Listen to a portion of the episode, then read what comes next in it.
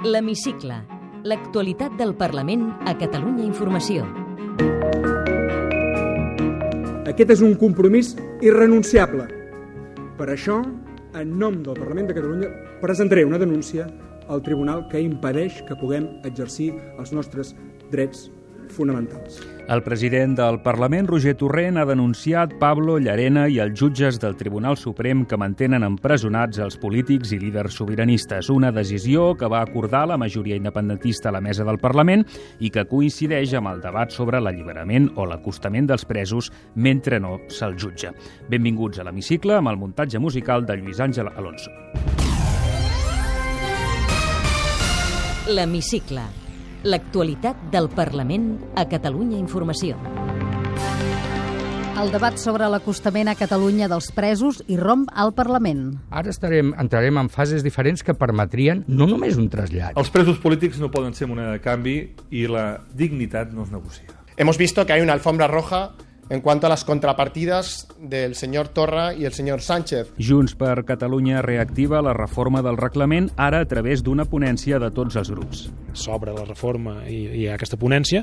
Ningú, estic segur que els que han dit que això s'havia de preveure en el reglament, ningú estarà en contra de que ho prevegi el reglament. Per poder investir un president a distància, crec que aquest debat ja l'hem tingut. És un debat estèril del passat. El Parlament citarà l'exministre Zoido i el major Trapero pels atemptats de l'estiu passat. Els policies compareixeran a porta tancada. Haver bloquejat eh, tenir aquesta informació deixa la comissió d'investigació coixa. Aquesta comissió no pot garantir el secret. És raó de més per mantenir doncs, aquesta posició nostra, que a més a més està subjudice. Us explicarem com es restauren les catifes del Parlament. Són catifes històriques, han estat fetes a Catalunya, tenen la seva importància, es van realitzar a la fàbrica IMAT, són de l'any 32 i aquest patrimoni s'ha de conservar i s'ha d'utilitzar. I ens contestarà en una frase el qüestionari de l'hemicicle. Maria Sirvent, diputada de la CUP, crida constituent.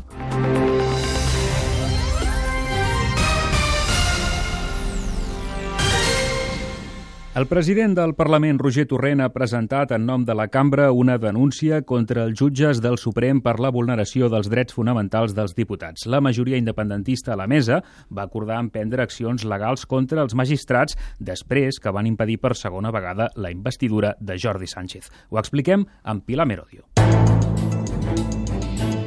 Torrent ha interposat la denúncia contra el jutge Pablo Llarena i tres magistrats de la sala d'apel·lacions del Suprem. Les seves accions, segons la denúncia, podrien ser constitutives dels delictes de detenció il·legal, vulneració dels drets fonamentals, com el de participació política i prevaricació judicial.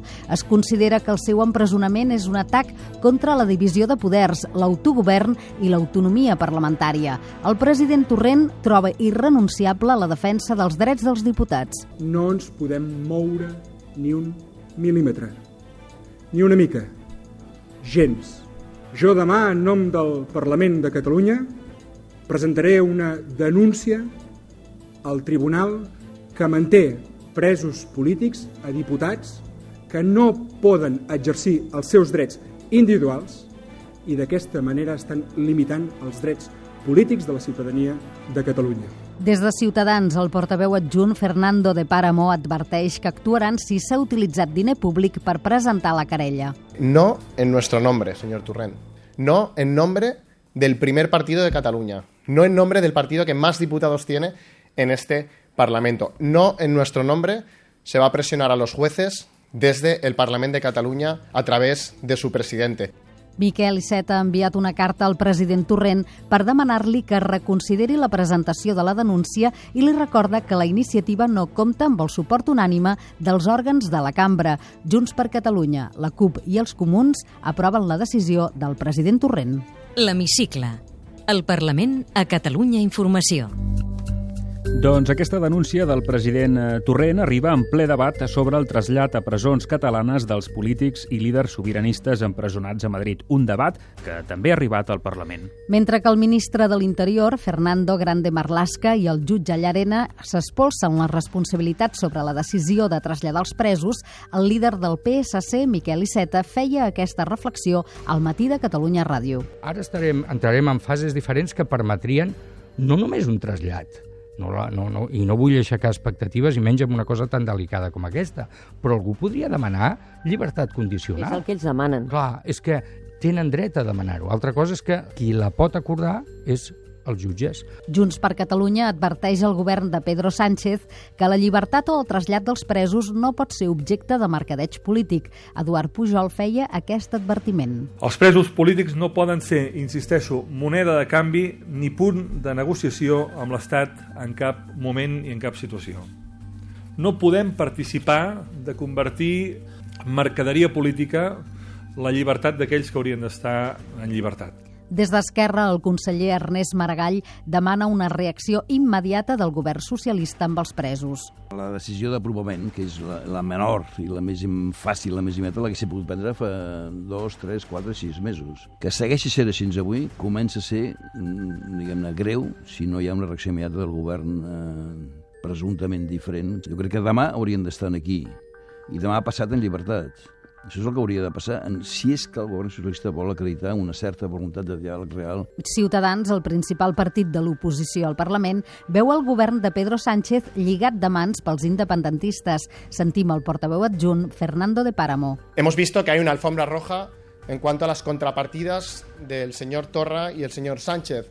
Hemos visto que se están empezando a pagar las hipotecas del señor Sánchez con los políticos separatistas. Sería muy grave que hubiese privilegios para aquellos que dieron un golpe a la democràcia. Des dels comuns, David Cid insta el govern del PSOE a prendre decisions. Que el govern de l'Estat surti del sainet en el que es troba de declaracions i contradeclaracions. Crec que cada vegada és més evident eh, que això és competència d'institucions penitenciàries, que per tant la decisió està en mans del govern, del, no? del govern del PSOE i del govern de Pedro Sánchez. Per la copaire Natàlia Sánchez, la qüestió de fons és l'alliberament dels presos. Per descomptat, si es poden acostar, però és obvi que aquests presos mai haurien d'haver entrat a la presó. Per tant, no oblidem aquest focus, no oblidem que estem en aquesta situació per exigir el dret a l'autodeterminació, per dur-lo a terme i, eh, i no oblidem que la situació que viuen les persones preses i les seves famílies és completament injusta i el popular Xavier García Albiol, en una entrevista a la xarxa, trobava exagerat dir que la situació dels presos és una qüestió humanitària. El fet de que estiguin a Madrid, a una presó de Madrid, perquè ho ha decidit un jutge, no perquè ho ha decidit el govern del Partit Popular, sinó perquè ho ha decidit un jutge. Home, mm, hi ha qüestions humanitàries, a mi em sembla exagerat. L'Hemicicle. L'actualitat del Parlament a Catalunya Informació.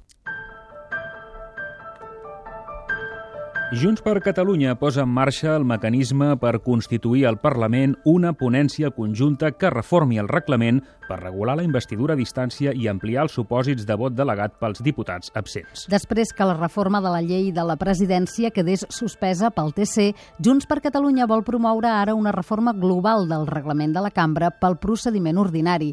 El diputat de Junts per Catalunya i vicepresident primer del Parlament, Josep Costa, no n'amaga l'objectiu hi ha, evidentment, la qüestió de la investidura i de la eh, possibilitat de que s'utilitzin mitjans telemàtics o altres eh, mitjans per fer el debat d'investidura. Parlarem també de la qüestió de la delegació del vot, perquè fins ara és controvertit el tema de la delegació del vot dels parlamentaris que estan a la presó o que estan a l'exili. Ciutadans, socialistes i comuns avisen que reformar el reglament per intentar investir Puigdemont no té cap sentit. Sentim Lorena Roldán, de Ciutadans, la socialista Rosa Maria Ibarra i la portaveu dels comuns, Elisenda Alemany. Continuen degradant les institucions, continuen degradant el Parlament de Catalunya. Creiem que doncs, investir eh, Carles Puigdemont eh, novament sent eh, president és, és com ja anar a, a pantalles molt passades. Aquest debat ja l'hem tingut, és un debat estèril del passat. Per reformar, per regenerar les institucions, per modernitzar-les, aquí nosaltres serem proactius. Com a molt aviat, la reforma es podria aprovar a finals d'any. Mentrestant, Ciutadans i el Partit Popular volen que el Parlament prohibeixi per llei la utilització de símbols partidistes o ideològics a les institucions i als carrers. Les dues formacions han presentat proposicions de llei perquè als edificis de l'administració i a l'espai públic només s'hi puguin col·locar símbols oficials per garantir-ne, diuen, la neutralitat. Sentim la líder de Ciutadans, Inés Arrimadas, i el popular Santi Rodríguez. Tothom té clar quina és la patrimonialització que s'està intentant fer per part de l'independentisme de l'espai públic, dels edificis públics, dels actes institucionals, i és evident que això no es pot tolerar en democràcia. Hi han símbols oficials i hi han símbols no oficials. Els símbols no oficials eh, són símbols de part. Ciutadans ha demanat també que es convoqui un ple específic sobre la priorització de l'agenda social i la recuperació de la convivència. L'Hemicicle. El Parlament a Catalunya Informació. El Parlament citarà l'ex-vicepresidenta del govern espanyol, Soraya Sáenz de Santa Maria, l'ex-ministre d'Interior, Juan Ignacio Zoido, i el major dels Mossos, Josep Lluís Trapero, pels atemptats jihadistes de l'estiu passat. La Comissió d'Investigació Parlamentària acordava dimecres un centenar llarg de compareixences en qualitat de testimonis i experts. Entre les compareixences acordades hi ha també les del fins ara delegat del govern espanyol, Enric Millo, i els caps del CNI i del Centre d'Intel·ligència Antiterrorista. Els membres dels cossos policials compareixeran seran a porta tancada i la comissió no tindrà accés als atestats de les operacions en què es van abatre els terroristes. La copaire Natàlia Sánchez ho denuncia i replica Ramon Espadaler del grup socialista. El que hi ha és un bloqueig per no entrar a fons en una qüestió que per nosaltres és prioritària en aquesta comissió i així ho insistirem, que és investigar tot allò que ha afectat i totes les morts que han afectat aquests eh, atentats i aquesta, i aquesta violència policial. Fixi's el que li ha respost la senyora Lletrada que aquesta comissió no pot garantir el secret, no pot garantir la reserva, doncs raó de més per mantenir doncs, aquesta posició nostra, que a més a més està subjudice i està per veure si un jutge autoritzaria a portar aquesta documentació així. L'objectiu de la comissió és citar els primers compareixents durant el mes de juliol. La problemàtica de l'habitatge que aquesta setmana ha tingut un episodi dramàtic a Cornellà amb el suïcidi d'un llogater quan estaven a punt de desnonar-lo ha arribat també al Parlament en forma de propostes. El grup parlamentari del PSC Units ha registrat una resolució que insta el govern a crear un pla integral d'abordatge del fenomen de l'ocupació d'habitatges. Els comuns i la CUP també han fet peticions al nou govern. Sentim les diputades Susana Segovia i Natàlia Sánchez. Cal presentar un escenari d'inversió i d'inversió d'inversió pública i de finançament per habitatge de protecció oficial amb un compromís de recursos. El conseller Damià Calvet és urgent expropiar per raons d'interès general i sense compensació tot el parc d'habitatges buits en mans dels bancs. El conseller d'Interior, Miquel Buch. Al senyor Buch li diem que posi els Mossos d'Esquadra a protegir a la gent dels estafadors i dels grans fons d'inversió. L'hemicicle. Ens aturem ara dins del Parlament. Un dels elements patrimonials més valuosos del Palau del Parc de la Ciutadella són les catifes que cobreixen el terra dels passadissos i dels salons de la planta noble. Són catifes artístiques de grans dimensions que van ser teixides l'any 34, però que durant dècades van romandre en un magatzem. El seu ús fa que periòdicament calgui restaurar-les. Us ho expliquem ara en aquest reportatge.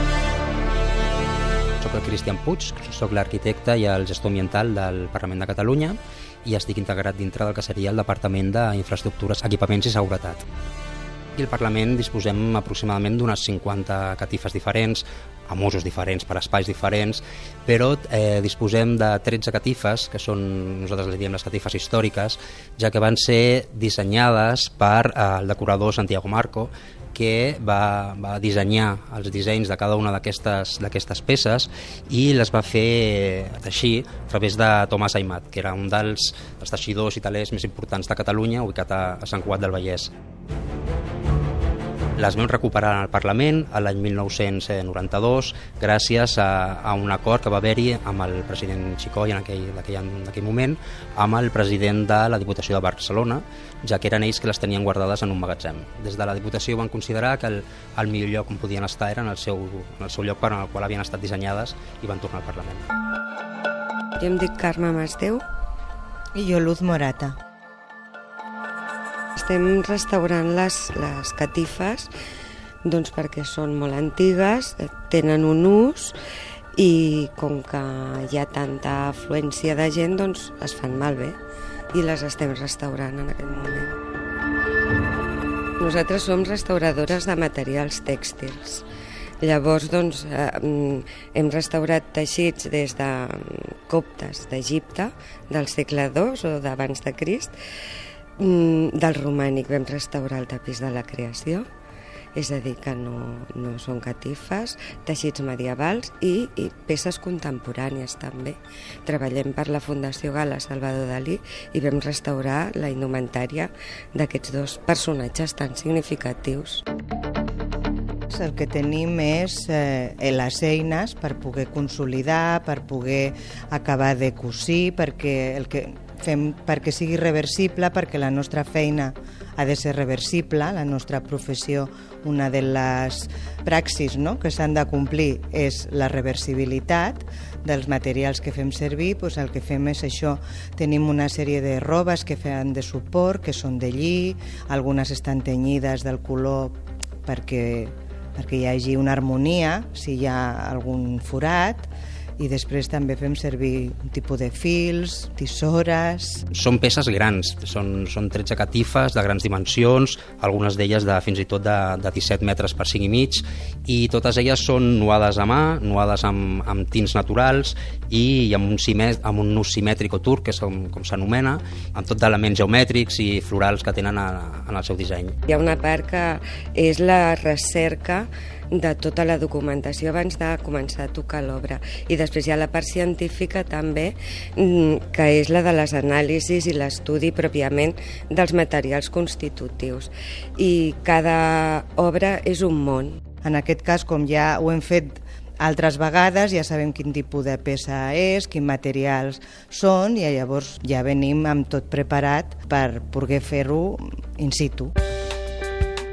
Tenim un catàleg eh, d'obres d'art, bàsicament de pintures i escultures, que requereixen de, de cert manteniment, però no és gaire elevat.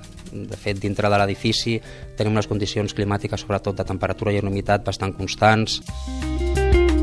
És molt important la neteja, com es fa la neteja, amb quin tipus d'aspirador, diguem. Per exemple, estaria molt bé que es limités una mica al, al pas de segons quins carros, segons quins estris, amb rodes, perquè no es faci malbé, i després això, quan hi hagi un element trencat, o pues, tornar-lo una mica a, a consolidar. Està clar que les coses es fan malbé no només les catifes, sinó alguns altres elements de l'edifici. Però si es deixen d'utilitzar, el desús també fa que les peces caiguin en l'oblit i que també llavors, eh, diguem, abandonin, entre cometes, perquè és molt difícil doncs, controlar l'estat, si estan en un magatzem, desplegar aquestes catifes que deu fer uns 20 metres gairebé, doncs eh, també es malmeten d'aquesta manera i aquestes catifes són per eh, disfrutar-les i per utilitzar-les. L'Hemicicle. El Parlament a Catalunya Informació. Té la paraula Maria Sirvent, diputada de la CUP, crida constituent. en una frase. Aquest és un Parlament autonòmic? Sí, és un Parlament autonòmic, molt limitat. Què es va fer el 27 d'octubre al Parlament? Ell va haver una declaració d'independència, però es va quedar en l'àmbit declaratiu. Diàleg és una de les paraules més pronunciades a les últimes setmanes. Diàleg per què? Mai diàleg sense el reconeixement al dret a l'autodeterminació. El govern Torra és un govern autonomista? Sí, Un govern autonomista té presos i exiliats per haver proclamat la república? sí. És evident que l'aparell de l'estat espanyol, eh, amb tots els seus mitjans, intenta impedir que hi hagi un, un referèndum d'autodeterminació mitjançant el que puguem decidir el futur com a subjecte polític del, del nostre poble i que ho fem la majoria popular i treballadora. I, per tant, la repressió és precisament per això, per la declaració d'un estat independent en forma de república que es va quedar en l'àmbit declaratiu, perquè la repressió la patim per motius polítics i aquest és el motiu polític. Si deixem davant del motiu polític, aleshores li donem ales a la repressió. Què en pensa del debat sobre l'acostament de, dels presos a Catalunya? Bé, nosaltres entenem que aquests presos haurien d'estar lliures, que no hi ha cap motiu pel qual um, haurien de- d'estar de, privats de llibertat, perquè l'únic que van fer va ser defensar un dret tan elemental i fonamental com el dret a l'autodeterminació, però que eh, nosaltres, evidentment, malgrat la nostra posició és aquesta, estem d'acord a que l'acostament dels presos és una obvietat. Quan la CUP parla de començar un altre cicle de mobilitzacions al carrer, veu de debò la ciutadania disposada a seguir? Nosaltres veiem a la ciutadania disposada a seguir. De totes maneres, és la pròpia ciutadania organitzada en processos d'organització social i col·lectiva la que realment farà que, que la mobilització es torni a recuperar. Però és cert que les institucions estan jugant un paper de desescalament del conflicte i desmobilitzador. Quan arribi el moment d'aprovar els pressupostos, estan preparades pel pressing cup? Nosaltres, sent una organització assembleària, sempre estem preparades per aquesta pressió perquè al final ho debatem tot i ho fem des d'aquests òrgans tan horitzontals i per tant crec que estem més preparades que d'altres organitzacions polítiques per rebre aquest tipus de pressions. A Catalunya hi ha fractura social? Podríem dir que, que potser hi ha una fractura social, però aquesta fractura social no l'ha provocada un, el moviment independentista volem defensar els drets civils i polítics de tota la ciutadania, sinó aquelles que han aplicat una repressió sense precedents, aquelles que han donat impunitat a les agressions feixistes o que s'han posicionat al costat de polítiques que no són polítiques que ens fan estar millor a la majoria popular i treballadora. El govern de Pedro Sánchez li plega un ministre en una setmana per haver defraudat Hisenda, Urdangarín a la presó per eh, corrupció. La corrupció és un fet eh, sistemàtic i sistèmic i per tant és estructural del mateix propi sistema. El que no podem dir després de totes les imputacions que hem conegut a exconsellers, consellers, presidents, eh, ministres, que la corrupció és un fet aïllat i que és una poma podrida d'un cistell. Això no, no és així. La corrupció és estructural, sistèmica i el que hem de canviar és el que hem de fer és una transformació social per evitar que això pugui succeir. Què representa per vostè ara mateix Anna Gabriel? Doncs una companya mm, i, per altra banda, una persona a la que admiro moltíssim a nivell polític i un referent absolut. L'ha vist o hi parla sovint des que va marxar? Bueno, ens hem vist i hi hem parlat alguna, en algunes ocasions. L'Europa que posa fronteres a la Mediterrània eh, pot reconèixer el dret d'autodeterminació dels pobles? Eh, L'Europa, com a Europa dels pobles, eh, sí. La Unió Europea basada en una política austericida i que en comptes de buscar eh, el benestar dels pobles el que busca és mm, intentar cristal·litzar determinats beneficis de determinades mercantils, no. Maria Sirvent va ser elegida regidora a Terrassa a les municipals del 2015, tot i que ha tingut poc temps, diguem, per tastar-ho tot. Eh, què li ha estat més gratificant fins ara, la política local o la que es fa aquí al Parlament? La política que es fa al carrer. Per tant, ni la local, ni, ni, la, ni la institucional a nivell local, ni, ni la institucional a nivell del Parlament. Per mi la millor política és la que fem amb les organitzacions i els moviments socials de la ciutat i amb la que vius de prop precisament aquests processos d'organització social que responen precisament als interessos de la col·lectivitat. A què es dedicava professionalment abans d'anar a les llistes i ser primer regidora i després diputada? Era advocada i portava doncs, temes de, per exemple, desnonaments hipotecaris, de família i temes mm, de dret civil en general. Sirvent i Escrits, dos cognoms originaris del País Valencià. Els països catalans imprimeixen caràcter? Sí, el, la construcció nacional dels països catalans eh, crec que és l'únic front que tenim per a enfrontar-nos a aquest eh, espanyolisme nacionalista i ultrareaccionari perquè és realment aquesta construcció la que ens pot fer deslligar-nos del règim del 78. Un referent polític? Et diré la Isabel Vallet, que va ser diputada a la primera legislatura. Eh, recorda què volia ser quan era petita? Volia ser astrònoma. Viu de lloguer o de propietat? De lloguer. Carn o peix? Peix. Se'n surt bé amb els fogons? Sí, bastant bé. Què ens cuinaria? Un, alguna, algun dinar de cullera. Hi ha vida més enllà de les xarxes socials? Sí, i tant, que hi ha vida més enllà de les xarxes socials. No sóc massa partidària de les xarxes socials. Ja veure, veureu que el, que el meu Twitter no, no és cap meravella. El racó de Terrassa que no podem deixar de visitar. El Casalet. Quina banda sonora posaria la seva vida? Buena Vista Social Club. Després de la mort, hi ha alguna cosa?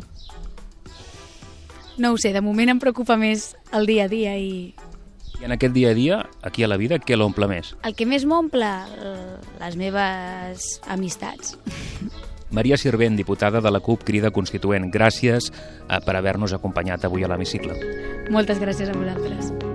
Podeu tornar a escoltar l'Hemicicle al web catradio.cat barra hemicicle o al podcast del programa i seguir l'actualitat del Parlament al perfil de Twitter arroba L-hemicicle.